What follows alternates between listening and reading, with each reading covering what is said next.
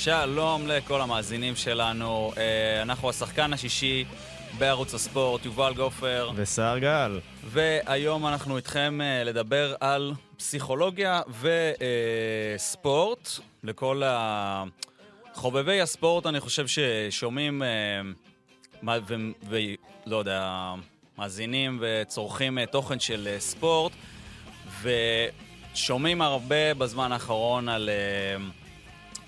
חוזק מנטלי, אימון מנטלי, כמה זה חשוב כל הפן המנטלי והפסיכולוגי, והפסיכולוגי מאחורי uh, ביצועים של ספורטאים. ופה בעצם אנחנו נכנסים קצת uh, לדבר איתכם uh, קצת לעומק יותר של הדברים האלה, שר? כן, אז יש מאחורי הספורט תחום שלם שנקרא פסיכולוגיה של הספורט. אני פסיכולוג שעובד עם ספורטאים. אה, וככה אנחנו, אה, מתוך השיחות אה, שלנו על ספורט, הבנו שזה נושא שמאוד מאוד מעניין להביא אותו לקהל, ונראה לי שיש לנו אחלה פרק להיום. כן, אז ככה, השראת אירועי השבוע האחרון, מי שיצא לו לשמוע קצת בחדשות על, או לראות, בטח טוב, את, ה, את משחק העונה. כן, כנראה ראיתם או שמעתם. כנראה ראיתם או שמעתם, או תגובות, אה, היו הרבה אירועים שם. אה, אנחנו מדברים על המשחק של מכבי חיפה נגד הפועל באר שבע. משחק שבעצם היה על המקום הראשון בליגת העל. מכבי חיפה שמגיעה באיזשהו מומנטום מאוד חיובי, אחרי ניצחון גם אחרי שבירה של מחסום מנטלי, אפשר כן. להגיד, וניצחון של הנמסיס מתל אביב. אה, ומהצד השני הפועל באר שבע, שפעם ראשונה הפסידה עונה אחרי איזה 17... אה, בלי... אחרי מכבי זה כן. הפסד שני עונה ב... הפסדה ונראה הרבה פחות טוב. מהלך המשחק מאוד uh, בקצרה, אבל מחצית ראשונה רק קבוצה אחת הייתה על המגרש. כן. שזה uh, הירוקים מחיפה. ועוד אירוע שנדבר עליו בהמשך. אמ, וכן, ובמחצית בעצם שחקן מורחק על ידי, אחרי החלפת אה, אמרות אה, קשות, כנראה עם אריק בנאדו, טה-טה-טה-טם, ומחצית שנייה שמכבי חיפה נכנסת לאיזשהו אה, מוד של הישרדות. מחכים שהזמן יעבור, ובסוף מצליחים לסיים את המשחק הזה ב-2-1 לטובתם, ואין ניצחון בטרנר. וכשאנחנו חושבים על המשחק הזה, בעצם חשבנו על זה מאחד הנקודות uh, הכי חשובות שמגיעים למקומות כאלה בתור ספורטאים, ומשהו שאנחנו בעצם, כולנו יכולים להזדהות באיזשהו מוצב, זה אירוע שיא. או המונח המקצועי, פריק פרפורמנס. ביצועי שיא. ביצועי שיא, אתם יכולים לחשוב על איזשהו... Uh, כל אירוע שאתם מגיעים אליו, שיכול להיות שהתאמנתם הרבה זמן, ואתם צריכים עכשיו uh, לבצע איזשהו משהו שהוא שיא. אמ, זה יכול להיות אמ, רעיון עבודה, זה שהתכוננתם אליו הרבה זמן, מבחנים אם אתם סטודנטים, אפילו כן. טסט לאוטו, אם למדתם, עשיתם מלא שיעורים, טה-טה-טה, ובמובן של אה, משחקים, אז ברור שזה גם עוד משחק בליגה, אבל יש פה איזשהו בילדאפ שגורם לזה להיות אירוע שיא. נכון, אז אה, אירועי שיא, משהו שמאפיינים קריירה ספורטיבית של אה, כל ספורטאי וספורטאית וקבוצות ספורט. אה, גם בליגה ארוכה אה, יש משחקים שהם אה, משחקים שהם לא רק... סך הנקודות הוא, הוא אותו סך נקודות כמו כל משחק אחר, אבל יש פה עניין תודעתי מאוד משמעותי. אז נגעת במומנטום של מכבי חיפה, שהגיעה אחרי שניצחה את מכבי תל אביב אחרי תשע שנים, ולא ניצחה אותה מאז בסמי עופר. בעצם הניצחון האחרון היה בקריית אליעזר. ו... אחרי חמש שנים מאז הניצחון האחרון בכלל, אה, ולקחה אליפות בלי לנצח את מכבי תל אביב. אז היא באמת הגיעה עם מומנטום אה, מאוד חיובי, וראינו איזה משמעות יש לזה כשהיא בעצם הגיעה למשחק נגד, אה, נגד הפועל באר שבע. ושוב, יש לנו, זה מאפיין מאוד קריירה ספורטיבית. גם מבחינת ההתקדמות של שאר העונה, לאן העונה הזאת תלך, גם מבחינת התודעה של אה, הרבה, של הקהל נגיד, ומה הוא מייחס מבחינה רגשית למשחק הזה. אה, מה הניצחון אה, בטוטו טרנר מהווה עבור ברק בכר. נכון. ניצחון ראשון, הוא ענה בריאיון, הוא אמר, אמרו לו, ניצחון ראשון בטוטו טרנר? הוא אומר, כן, זו פעם שנייה שאני פה, פעם קודמת סיימנו בתיקו, אבל כן, זה משמעותי מאוד. אז אנחנו, בתוך המונח הזה של חוויות שיא, ניכנס רגע להסברים קצת יותר אה, פסיכולוגיים. אה, אנחנו מתייחסים ל, אה, לביצועים שהם בעצם אה, לא חורגים מהיכולת של הספורטאי, אבל הם איזה, איזה שהם ביצועים, ביצועי קצה שלו. אז גם קבוצה כמו מכבי חיפה מול מכבי תל אביב הייתה צריכה להגיע לאיזשהו פיק פרפורמנס. היא כבר הייתה במשחקים מול מכבי תל אביב, שיחקה טוב מאוד לאורך הליגה, לאורך העונה בליגה, בי פאר מקבוצות אחרות, הכדורגל שלה הוא הכי מרשים היום בליגת העל. אה, ולראיה, המחצית הראשונה שלהם נגד באר שבע. וואו, זה היה, זה היה מחצית הראשונה. זו הייתה מחצית מרשימה, הגול של אצילי, וואו, אבל... אבל גם כל התנועה, כל התנועה, הלחץ עם הכדור, שרי, איכשהו הוא, הוא זז על המגרש. אמ, פשוט לחץ מטורף קדימה. עכשיו, כדי לעשות דבר כזה, שחקנים צריכים המון ביטחון. גם, גם, בלדעת, גם בלדעת מה הם עושים. נכון, אז אנחנו, אני חושב שאתה נוגע בנקודה מצוינת, כאילו, של עכשיו שנייה גם לשים אותנו ב disclaimer, ולהגיע למצב שה... שהפסיכולוגיה פה היא בסוף היא, לא יודע אם הייתי קורא לזה X factor, אבל היא משהו שיכול uh, להשפיע באיזשהו מובן על יכולת מקצועית כן. כאילו שקיימת שם. וזה היה ברור מאוד גם שמבחינה מקצועית, אפילו פיזית, הייתי אומר, מכבי חיפה הייתה הרבה יותר טובה מהפועל באר שבע. כן, אני אתן דוגמה, ברק, אה, אה, סליחה, רוני לוי אמר בסוף המשחק אמירות אה, כמו, אמרתי לשחקנים ללחוץ, אבל זה לא קרה, או משהו כזה. זה לא ש... ברור. כן, ואני, מבחינה פסיכולוגית, ספציפית בכדורגל, העניין הזה של לצאת לעשות לחץ הוא מאוד פסיכולוגי. העניין הוא שכשאתה יוצא לעשות לחץ, אתה בעצם עוזב את העמדה שלך, וצריך לסמוך על זה שמישהו יכפה עליך. נגיד מגן שמאלי או מגן שיוצא קדימה ללחוץ את הכדור, הוא בעצם משאיר את העמדה שלו חשופה. הוא צריך לדעת, בלי לחשוב על זה בכלל, שיהיה מישהו שיגבה אותו כמו שצריך. ובגלל זה אומרים הרבה פעמים בכדורגל שאו שכולם לוחצים או שאף אחד לא לוחץ. כי אם רק אחד יצא לעשות לחץ, אז כל שאר הקבוצה לא תהיה מאורגנת לזה ולא תהיה בתנועה, יהיו סטטיים.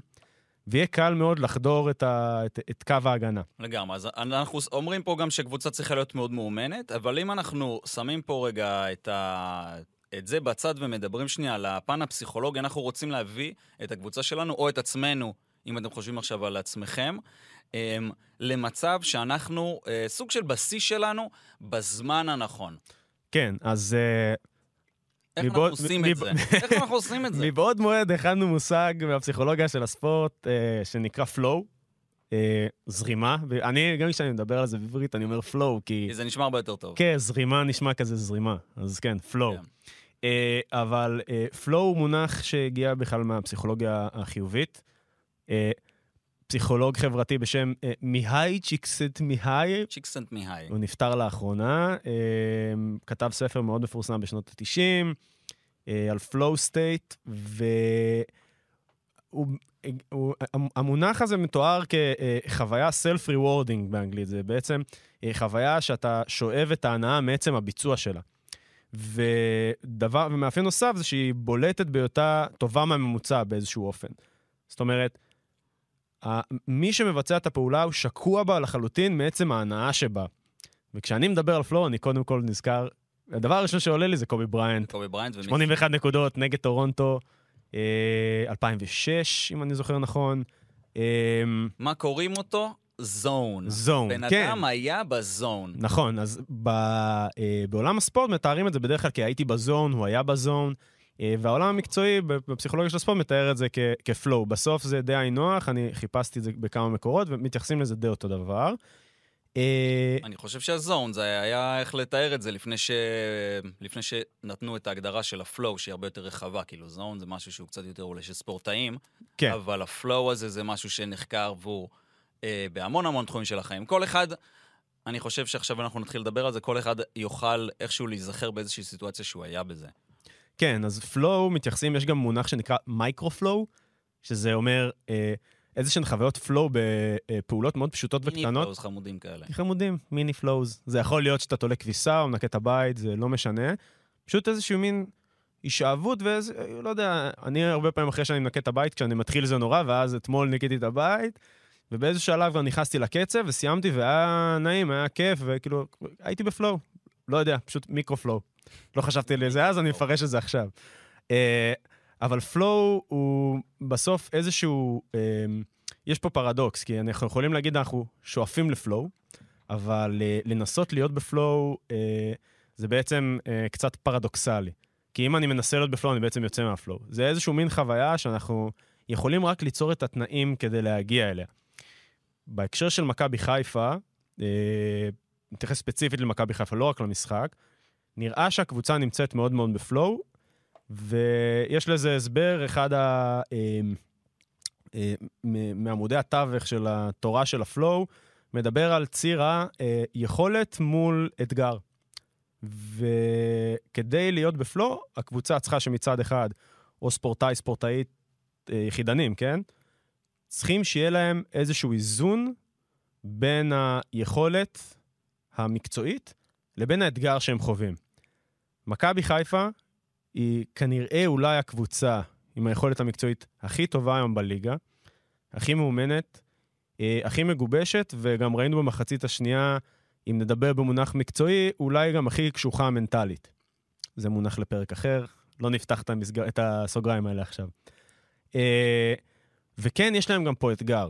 זאת אומרת, קבוצה, אם מכבי חיפה הייתה בעוד 7-8 רמות מעל הליגה, יכול להיות שלא היינו רואים אותם במשחק להגיד, אולי, כל מכבי, כך עילאי נגד... מכבי אה, תל אביב הרבה שנים מול הליגה.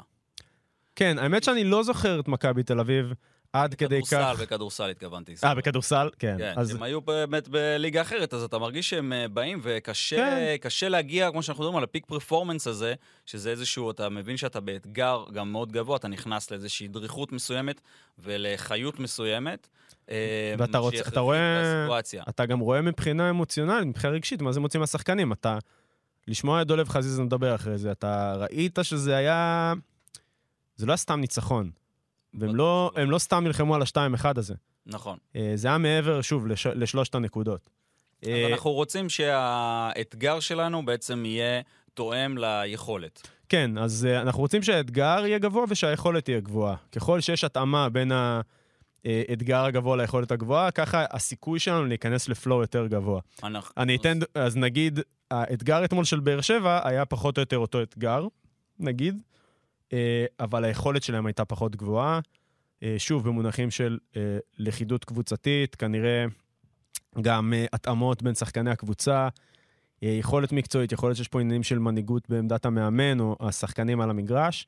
יש לזה כל מיני הסברים אפשריים, אבל בסוף אה, היכולת הנמוכה מוציאה, או אני לא רוצה להגיד מוציאה מפלואו, אבל היא, היא פוגעת בסיכויים להיכנס לפלואו. נכון, ואני כן אגיד שלחיים אולי יותר אה, של אנשים אה, שהם אולי פחות ספורטאים או לא באר שבע, היכולת, יש איזשהו סף מינימלי של יכולת בשביל להיכנס אה, לפלואו הזה.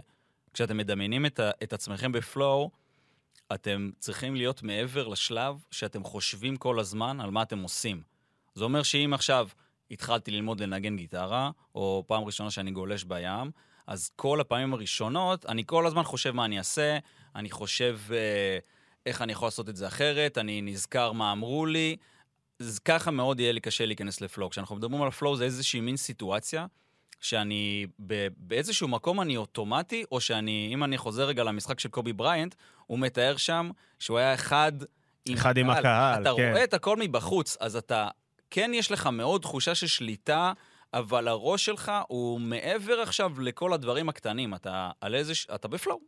כן, אז, אה, אז- יש, ב- בתוך, בתוך אה, הפסיכולוגיה של הספורט יש מונח שנקרא skill acquisition, אה, רכישת מיומנויות, וזה איזשהו...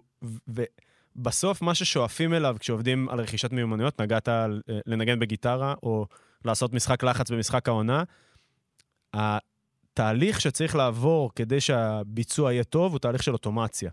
יש לנו את האונה הפרפרונטלית במוח שאחראית על החשיבה הגבוהה. אנחנו צריכים שהיא תעבוד כמה שפחות, שהאזורים היותר אה, מוטוריים או חושיים יעבדו אה, בצורה יותר אוטומטית, בלי צורך בפרשנות וחשיבה. החשיבה הייתי אומר שהחשיבה... לרוב רק פוגעת בזה. ו... כן, ושהיא לא, ושהיא לא תהיה בקשר לדברים האלה. יכולה, אתה יכול לחשוב, ופתאום, אני יודע שנגיד שחקני כדורסל מתארים את המשחק אחרי הרבה זמן, שהוא נהיה יותר איטי. כן. הראש שלך עדיין עובד, אבל, אבל כבר לא בדברים הקטנים. אתה פתאום יכול להרים את הראש כזה ול, ולחשוב מסביב, ופתאום לראות כזה דברים שלא ראית. כן. אז אנחנו בעצם רוצים שהקבוצה שלנו תגיע בפיק פרפורמנס, היינו רוצים קצת כל הזמן, אבל בפיק פרפורמנס זה איזשהו מצב הכרחי, שגם ברגע שאנחנו נצליח להביא את עצמנו למצב של פלואו, הסיטואציה שיכולה להיות מאוד מלחיצה, בעצם עובדת לטובתנו. כן. בגלל שיש לנו עכשיו איזו סיטואציה שהולכת להביא אותנו פיזית ומנטלית לקצה.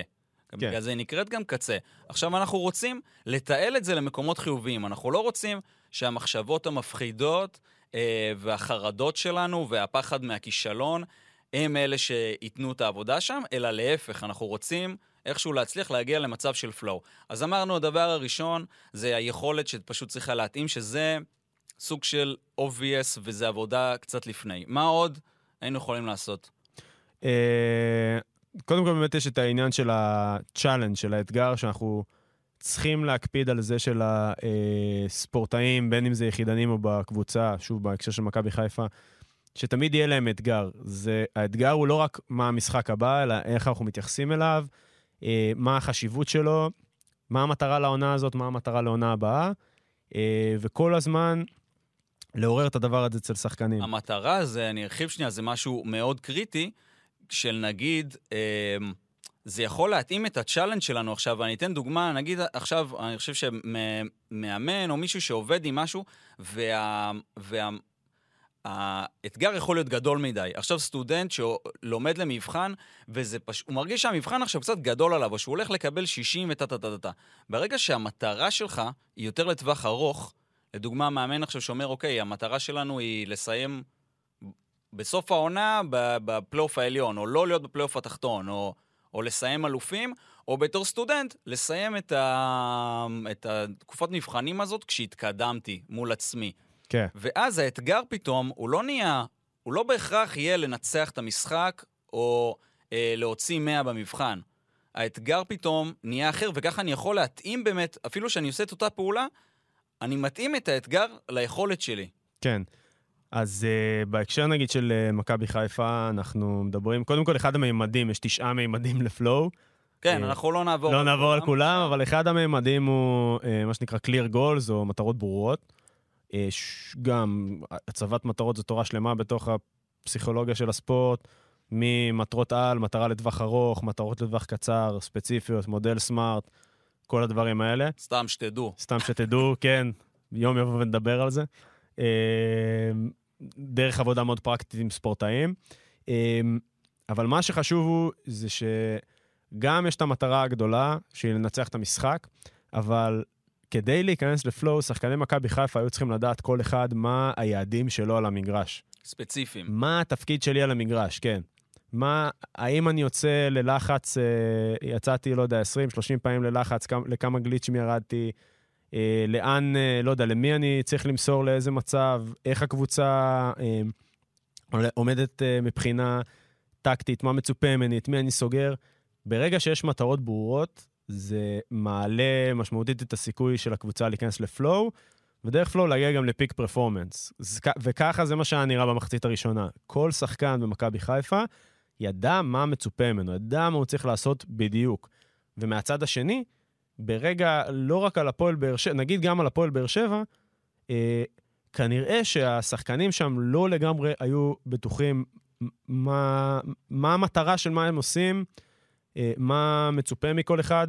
אני מניח שעל הנייר הם ידעו את זה. זאת אומרת, הם, אני מניח שרוני לוי והצוות המקצועי תדרכו אותם מה לעשות, אבל זה לא, אז זה יכל ליפול או על עניין היכולת, לא התאמנו על זה מספיק, או האימונים לא היו מספיק ברורים, אה, משהו בהתאמה לא עובד, יש איזשהו פיינטיון אה, אה, שלא עשינו, דברים כאלה. אה, או שבאמת זה לא משהו שהקבוצה הייתה...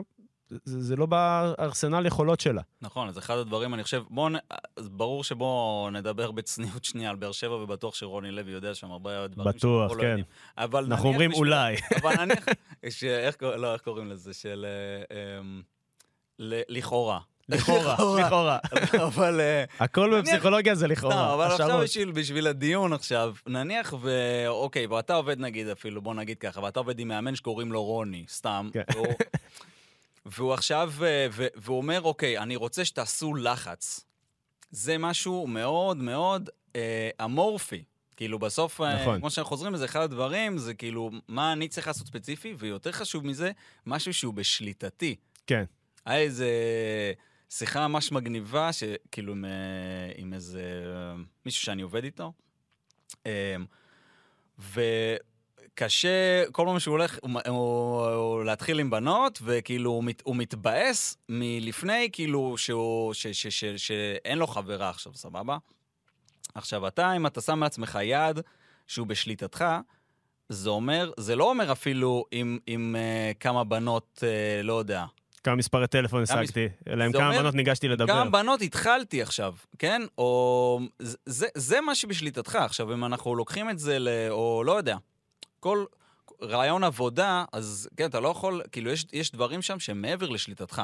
עכשיו, במ- במגרש, יש... אה, אתה צריך להיות מאוד ספציפי, נגיד אה, בכדורסל, לא כמה זריקות קלעתי, כמה זריקות לקחתי. כן.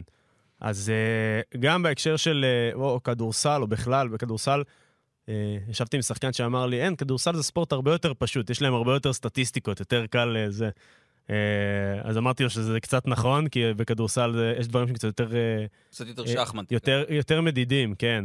אבל ניתן דוגמה ממכבי חיפה והפועל באר שבע. אם עכשיו מיגל ויטור מקבל הוראה מרוני לוי, שכל פעם שהכדור נמצא ברגליים של לא דולב חזיזה, הוא יוצא ללחץ, לא משנה מה. הוא לא, לא צריך לספור את זה אפילו, אבל זו משימה שהיא ברורה לחלוטין ובשליטתו. כל פעם שהכדור ברגע של חזיזה, אתה טס אליו. לא, אז הוא באמת יותר קל לו להיכנס מטרה לפלואו, ברורה זה פתאום- לחלוטין, ואז גם אחרי זה שמסתכלים בווידאו, אחרי, על הווידאו אחרי המשחק, יודעים להסתכל ולהגיד, הנה, אתה עשית את מה שמצופה ממך. לא הצלחת לחטוף, לא זה, יש עוד הרבה משתנים. אבל בואו, אנחנו צריכים להיכנס לעיניים של כל שחקן, לתת לו משימה אחת או שתיים, גם לא יותר כדי לא לבלבל, לאמן אותו עליה במהלך השבוע, זה חשוב באימונים הטקטיים והסטייק, כי הוא צריך גם לתרגל את זה ולהבין איך זה נראה, ולשלוח אותו ככה, עם הוראות פשוטות, לא מורכבות, ושאנחנו נוכל להסתכל על הוידאו אחרי זה ולהגיד, הנה, הצלחת או לא הצלחת. דבר ש...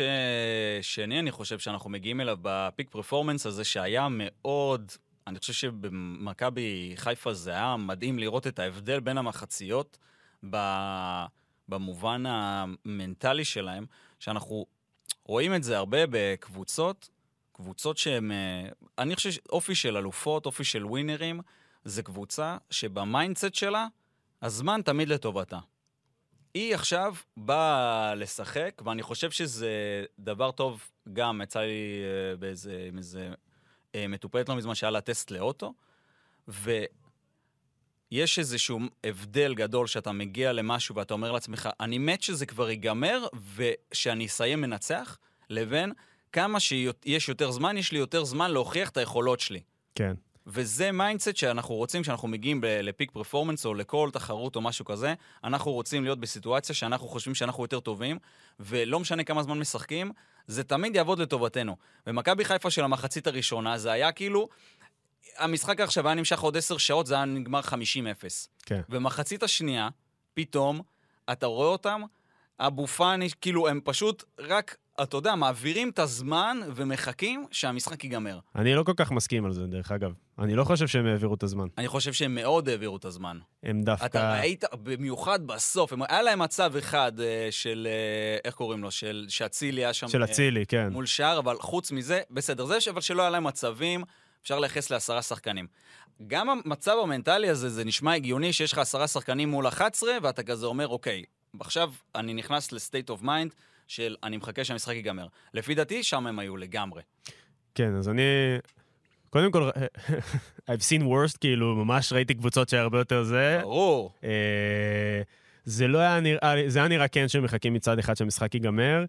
אה, מצד שני, לא היה נראה שזו שיטת המשחק שלהם. לא היה, לא הרגיש, אה, לי לפחות, כשראיתי את המשחק, ש... אני, אוקיי, אז אני אשאל אותך את זה. אתה חושב שכשנגמר המשחק, לא היה שם תחושה של הקלה? אה, ברור. בבקשה. זה לא... זה... זה, זה הכוונה, הם בסוף, אתה ראית את בכר שם, ועוד זמן, ושש דקות, ועוד דקה, והוא ש- עוד שואל את הזה שם, כמה זמן? שואל את, ה... את הזה של הזה, כמה זמן אה, זמן כן. פציעות? כן, אני... הם חיכו שזה ייגמר. הם, אה, אני מבין את מה שאתה אומר, אני עדיין לא חושב שזה היה... זאת אומרת, לא זו הייתה שיטת המשחק שלהם. הם לא, אומר הם לא רק שיחקו... זה ברור, שזה, ברור שגם אם כן. היו נשארים ב-11 שחקנים, אה, ברור, לא יודע, אבל סביר להניח שזה לא היה קורה להם. אני חושב שזה מה כן. שהם כל כך התבאסו, וגם איפה שאני אומר, יפה שהם גם הצליחו לנצח גם, ב... גם, גם, גם ככה. נראה לי שאתה רומז ל... אבל לנושא הבא שלנו. לגמרי. כן. אה, קודם כל... מרים לך לוולה. מראים לי לבולה. אה, רק קודם כל, אני רוצה להגיד בהקשר הזה, יש אה, תיאוריה בפסיכולוגיה של הספורט, תיאוריית מוטיבציה, שמחלקת את העולם לשניים. אנשים שאוהבים תה עם סוכר ושקרנים. כן. אה, ספורטאים שחותרים לניצחון, או פוחדים מהפסד, או חוששים מהפסד. זו לא תכונה קבועה, זה יכול להשתנות, אבל יש ספורטאים, לא יודע, פשוט on top of my head, מייקל ג'ורדן, שתמיד אה, האנרגיה שלהם מוכוונת ללנצח. זהו, שזה מצחיק, אגיד. כאילו, אני- דיברנו על זה, יש איזשהו סרטון יוטיוב שסטף קרי מראיין את ג'ורדן. ב- על איזה מגרש גולף, איזה עשר דקות, והם כזה מקשקשים, וזה ממש מגניב לראות הם- שאתם מדברים אחד על שני, וגם כאילו סטף קרי היה מראיין, אבל ברור שג'ורדן יושב שם כמו פאפה וכזה זורק כן. לו זה. ובאיזשהו שלב, ג'ורדן שואל את קרי, שזה אולי שניים מהווינרים הכי גדולים שהיו במשחק, והוא שואל אותו, תגיד, באמת במקום הזה, אה, שתמיד שואלים מה אתה יותר, או- אוהב לנצח או שונא להפסיד, כן. וסטף קרי ישר אומר לו, אין, אני פשוט, אני שונא להפסיד ברמות שאני לא יכול זה, וג'ורדן גם, ברור שגם אני. כן, כאילו, אני, אני פשוט לא יכול לתאר לך את ה... כאילו, זה הדרייב שלי. כן. ככל שאתה רוצה יותר לנצח, ככה אתה בעצם יותר שונא להפסיד, ב- באיזשהו אופן. אתה חושב? יכול להיות. זו שאלה, שאלת מחקר מעניינת. לא בהכרח. כן. אני אשאל אותך ש... אוקיי, אנחנו שנייה לא סוגריים... בהכרח על- מעניינת או לא בהכרח זה נכון. סוגריים שנייה ל... כן, למכבי חיפה וזה. אתה חושב עכשיו, אה, סתם, קח את אה, ג'ורדן עכשיו. סבבה? שבסוף אתה רוצה שהדברים האלה הם יהיו איזשהו מנוע לפעולה, כן. נכון? עכשיו, הבן אדם לקח אליפות, סבבה? זה אתה חושב, זה מול, עכשיו הוא הפסיד לפיסטונס אה, של, אה, של הבד בד בויז וזה. כן. אתה רואה שההפסד הרבה יותר מניע אותו לפעולה חיובית של המשחק, של להתאמן, ללכת, או, דה דה דה דה דה, לעומת אם ניצחתי, סבבה, זה כיף שניצחתי. אז החלק המאוד קשה, שגם הרבה ספורטאים מדברים על זה, שהרבה יותר קשה להישאר ב top. כן, יודע, למה אולי יותר קשה להישאר ב top? בגלל שכשאתה אתה, אתה צריך לה, לה, להניע את עצמך כל פעם, אוקיי, ניצחתי, ועדיין אני קם מחר בחמש לפנות בוקר להתאמן כמו מכונה. ארבע. קובי קם בארבע. אז קובי היה קם בארבע. סבבה. אה, עצלנים, כל מי שקמים בחמש, שבאמת, בטט בטלנים. כבר שעה. איך אתם ספורטאים? שעה אני כבר מתאמן. כן, אחד מהגראונד רולס בפסיכולוגיה של הספורט זה שג'ורדן וקובי שייכים ל- לקצוות... אה, נכון, אוקיי, אז אל תיקחו. קיצוניים, אבל זה כן, אבל כן, רוב הספורטאים מתקשים אה, לתרגם, אני לא אגיד מתקשים, אבל לא היה לדעתי עוד ספורטאי אי פעם שהצליח לתרגם כעס, תסכול וחוסר הצלחה לאנרגיה טהורה של אה, נכון, אה, אנחנו גם חתירה אנחנו לניצחון. דיברנו על על שנאה להפסד, זה לא כעס כן, ותסכול. כן, אז זה קצת שונה. אמ, ולדעתי נעבור לנושא הבא שלנו, הרמת עליו מקודם.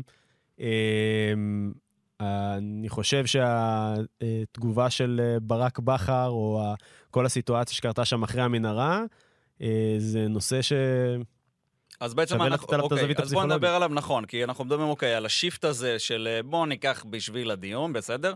השיפט, אה, מכבי חיפה של המחצית הראשונה מול מכבי חיפה של המחצית השנייה. בראשונה אנחנו באנו לנצח, אנחנו רוצים לנצח, אנחנו יותר טובים. במחצית השנייה אנחנו רוצים שהמשחק ייגמר. מה כן. שאומר מזה שאנחנו חושבים שאנחנו כרגע פחות טובים, הזמן עובד לרעתנו, ואם המשחק עכשיו יימשך הרבה זמן, אנחנו בסוף נפסיד. כן, מה גורם לשיפט הזה? חוץ מזה שהם עשרה שחקנים, אבל כדי שנייה לבודד את, ה, את הדבר הפסיכולוגי.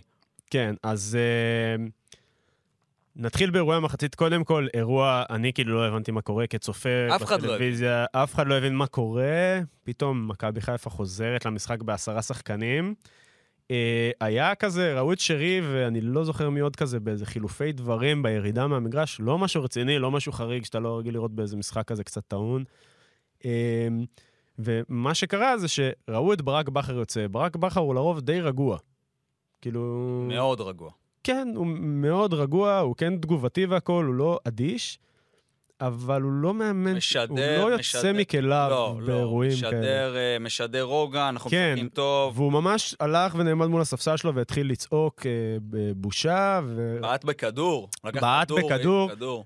וראו שהוא נסער, זאת אומרת, זה לא היה משהו ש... כאילו, זה היה משהו שלא נעלם מן העין.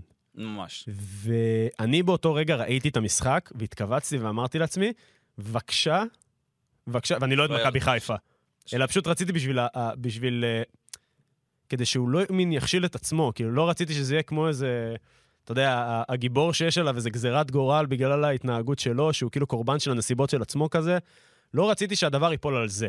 אלא להפך, רציתי לראות איך מכבי חיפה קמה מזה. ושוב, אני לא אוהד מכבי חיפה. אני אה, כן, disclaimer, חיפאי. אתה בסדר, אנחנו, אנחנו, משאירים את זה מחוץ לאולפן, את האהדה. סבבה. אותי ואת חזירי הבר. כן.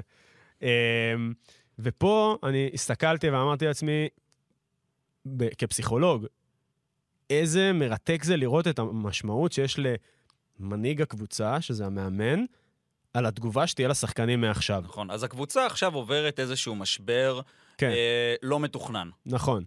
אז מה אני יכול לעשות בתור מאמן? אתה בתור מאמן אה, של אה, אפרוחים אה, בת גלים, אפרוחי של אפרוחי בת גלים. אה, אז קודם כל חשוב להבין, אה, כשאני עובד עם מאמנים, אני לא אומר להם לא לבטא את הרגשות שלהם. זה חשוב מאוד. חשוב מאוד לא לנסות להיות עצור, חשוב מאוד לא להיות פאסיב אגרסיב, שזה אומר אמיתי. בעצם עם, עם כעס עצור, שמרגישים... אתה רוצה להיות אמיתי. אבל, אני חשבתי את זה ככה, אם אני זוכר נכון, דיברנו לפני התוכנית, אתה לא הסכמת איתי, ששחקני מכבי חיפה נרגעו כשברק בכר נרגע. אני לא חשבתי שהוא נרגע. אה, אתה לא חשבת שהוא נרגע, נכון? לא זכרתי חשבתי שלא הסכמנו על משהו נרגע בהקשר. הזה. אבל בעיניי זה היה מאוד בולט, שבהתחלה היה שם חזיזה ואצילי, ו... אני לא זוכר, היו שם, היה שם עוד איזה- היו עוד איזה שני צהובים כמו בתחילת המשחק. שלהגיד שהוא עצר את עצמו. כן. הוא שלט בעצמו. הוא שלט בעצמו, הוא... היה נראה שהוא הולך כאילו to snap, הוא נכון שהוא שלט בעצמו. אבל הוא נרגע כמה דקות לתוך המשחק. הוא זה היה- נש- הוא שמר, אוקיי, אז היה שם כמה חילופי דברים אולי לאריק בנאדו ולרוני לוי, אבל בסוף הוא שמר, על, אה, שמר את זה בגבול הטעם הטוב. לעומת מאמנים שאנחנו כבר ראינו מספיק פעמים בכדורגל הישראלי, של מאמנים שמתפוצצים ומאבדים את זה. כן. אה, לא רק בישראלי, אבל בישראלי יש לנו הרבה זה. אה, אבל כן, אנחנו... יש משמעות מאוד מאוד גדולה אה, למאמן הקבוצה מהבחינה הזאת, אה, שכל היכולת אה, של אה, התחושת מסוגלות הקבוצתית מוחזקת אצלו. כי בסוף שחקן עולה על המגרש, ממלא הוראות, ויש לו איזשהו טווח תחום של אה, יכולת יצירתית, או אה, קבלת החלטות, אה, שוב, בתוך גבול מסוים. אם אני רואה את זה שמושך בחוטים, מאבד את זה לגמרי, אין זה לי- אין יכול, לי- כן, זה יכול ליצור אצלי מצוקה נורא גדולה. כי אני מבין עכשיו, שוב, באופן, אה, אה, מה שנקרא בפסיכולוגיה, שאומרים להגיד, לא מודע. לא מודע אומר שאני, לא באופן שאני מפרשן לעצמי בראש ו, ו, ושחקן ידע להגיד לך את זה, אני מסתכל עליו ואני אומר לעצמי, אוק, אוקיי, הוא, הוא לחוץ עכשיו, הוא, הוא אגב, יקבל את ההח- יכול להיות גם שמודע. יכול להיות גם מודע. בואנה, אני, אני כאילו, אין, אה, אין, אה, אני... כן, אה, מי- מי שאמור עכשיו, מי שאמור. לנהל את כולם, מי שאמור עכשיו, אני חלוץ, שוב, אמרנו נגיד בהק- בהקשר של יציאה ללחץ, אני יוצא עכשיו קדימה, וצריך לדאוג שמישהו יסגור אותי מאחוריי בלי להסתכל עכשיו כל פעם לגמרי. אחורה. זה שאמור לתת לו את ההוראות עכשיו, צריך להיות נינוח ולקבל את ההחלטות ממקום שלב. שלב בתחום האטרף של משחק עונה, כן? אבל לא ב- ב- בתחום ה... אה, לאבד עשתונות. וזה היה משהו שאני מאוד שמחתי לראות שברק בכר הצליח לעשות, ואני הרגשתי, שוב, יכול להיות שהייתי מוטה, הרגשתי שכשהוא נרגע, הקבוצה והשחקנים נרגעו איתו וחזרו לשחק כדורגל יותר מסודר. אני לא מאמין... הרגישו רגועים. המשחק לא הרגיש לי רגוע בכלל. אני, אני חושב שהם היו בשליטה, אני ב, גם משער שאם הוא היה מאבד את זה, זה היה נראה אחרת לגמרי. כן. הם הרגישו מוחזקים. הם הרגישו שהם, שהם, כן, שהם מחכים שזה זה, אבל שהם, שהם ישמרו על הדברים ושכל אחד ימשיך להילחם, והם נלחמו חבל על הזמן. כשהם כן. ראו אותו עומד שם, אני חושב גם זה שהוא הגיב, אפשר אחרי זה לדבר עם אה, אה, גינה את, אה, אה, איך קוראים? אה, לשחקן של מכבי חיפה, ש... אה, שהורחק. אה, רז מאיר. כן, שהוא גינה את רז מאיר, לא גינה את רז מאיר, לא משנה. כרגע הוא במכבי חיפה והוא בא לנצח. אחרי המשחק אפשר זה, אבל שהוא, שהוא נתן להם גב, ושהוא כאילו קצת יצא לרוני לוי ואריק בנאדו, שיכול להיות גם שזה היה קצת הצגה בשביל השחקנים. כן. ואנ... ואנחנו עדיין באים לנצח. לא משנה איך, אנחנו באים לטרוף. כן, אז אה, גם, אתה יודע, גם ברמת ה... יש גם דברים מעבר. כרגע דיברנו על ההשפעה של מאמן ומנהיג הקבוצה על, על ביצוע. דרך אגב, זה יכול להיות גם עם uh, קפטן הקבוצה, או שחקן מוביל בקבוצה, שהיה עכשיו מאבד את זה סביב האירוע הזה, ועולה למגרש עצבני. יש מונח בפסיכולוגיה שנקרא הדבקה רגשית, uh, וזה האופן שבו הרגש שאני מרגיש מדביק את האנשים הסובבים אותי. רגש שלילי, יש לו פוטנציאל הרבה יותר הרסני בלהדביק את האנשים מסביבי. כמו שאנחנו נהיה באיזשהו חדר, הכל יהיה סבבה, ופתאום מישהו עם הרבה, עם מאוד שלילי ייכנס פנימה, ופתאום תהיה איזו ירידה. לגמרי. כזה. אז גם בקבוצות ספורט זה קורה, והרבה פעמים מספיק מישהו אחד כזה, או מישהי אחת כזאת, כדי שרגע האווירה פתאום תצא מאיזשהו איזון. מאמן יכול, יש לו פוטנציאל אה, הרבה יותר הרסני, בטח בהקשר של עצבים, כעס ותסכול, תחת לחץ, להדביק רגשית את הספורטאים שלו, את השחקנים שלו, במקרים האלה. ובאמת ברק בכר עשה את זה יפה מאוד. זה... אני, די, אני די בטוח, אפרופו עוד מונח מפסיכולוגיה של הספורט, העניין של חוסן וחוסן מנטלי, אז uh, כשלוקחים איזשהו חומר, לא בספורט, uh, ברזל, ואנחנו מנסים לכופף אותו, או שנותנים לו איזושהי מכה, החוסן שלו, כאילו, הוא יכול טיפה להתעקם, אבל בסוף לא להישבר. זה, על זה מבוסס המונח חוסן, וזה מה שקרה למכבי חיפה. קצת התעקמו, חזרו למקום, אתה יודע, כמו איזה, לא יודע, איזה לגמרי. קפיץ כזה או משהו, אה, והחזיקו את המשחק הזה עד הסוף בעשרה שחקנים, שגם מבחינה פיזית זה אתגר לא קטן. לגמרי. זה אותו מקום שאתם יכולים לחשוב, אה, לא יודע, במקומות מסוימים ששומעים על אמפתיה, יכול להיות שב... אה, מי שטיפה יותר שמע אולי פעם את המונח של נוירוני מראה, אני זורק פה זה, אבל שזה איזשהו מנגנון שיש בכולנו, שאנחנו בסוף מושפעים אה, מהבן אדם שמולנו, ואנחנו באיזשהו מקום גם מרגישים את מי שמולנו. כן. וזה משהו אה, שחשוב מאוד להכיר אצלנו. דבר ראשון שאנחנו פתאום, שאנחנו מול מישהו, בטח שהוא מאותה קבוצה שלנו, אבל גם שחקן של הקבוצה היריבה, מאמן בטח ובטח, אה, שאנחנו פתאום מרגישים באיזשהי משהו בנו, אנחנו יכולים לחשוב, אוקיי, אולי זה, אולי זה הגיע ממישהו מולנו, כשאנחנו כן. נראה מישהו עצוב, אנחנו ישר נרצה לעזור לו, כשנראה מישהו כועס, אנחנו נגיב לזה גם באיזושהי צורה של אה, אולי יותר fight or flight או משהו כזה. ואני חושב שזה יכול ללכת לשתי מקומות, כאילו אנחנו מדברים על זה עכשיו בסיטואציה של ברק בכר, שגרם לקבוצה שלו ללכת לאיזושהי אה, סיטואציה. אני יכול לחשוב על זה הפוך, שהקבוצה קצת אדישה, וככה אנחנו יכולים מאוד לעורר את הסיטואציה. כן. אנחנו יכולים להכניס לאטרף, אנחנו יכולים אה, להכניס לקילר הזה. אני זוכר, אה, פיני גרשון מדבר על זה אה, בהקשר של... אה, שהקבוצה שלי עכשיו מובילה בהרבה, אני, ואני רוצה להשאיר את הפיק הזה, או אני רוצה עדיין להמשיך להטריף אותם, אז אני, אני אכנס בהם בחדר הלבשה, אני אגנב, אני אטרף, כאילו אני אכניס אותם לאיזשהו מוד כזה של, אה, של קילריות. כן. ואני חושב בקבוצה, אנחנו uh, צריכים כזה לדעת uh, לאזן את זה בין חברי הקבוצה ובין המאמן.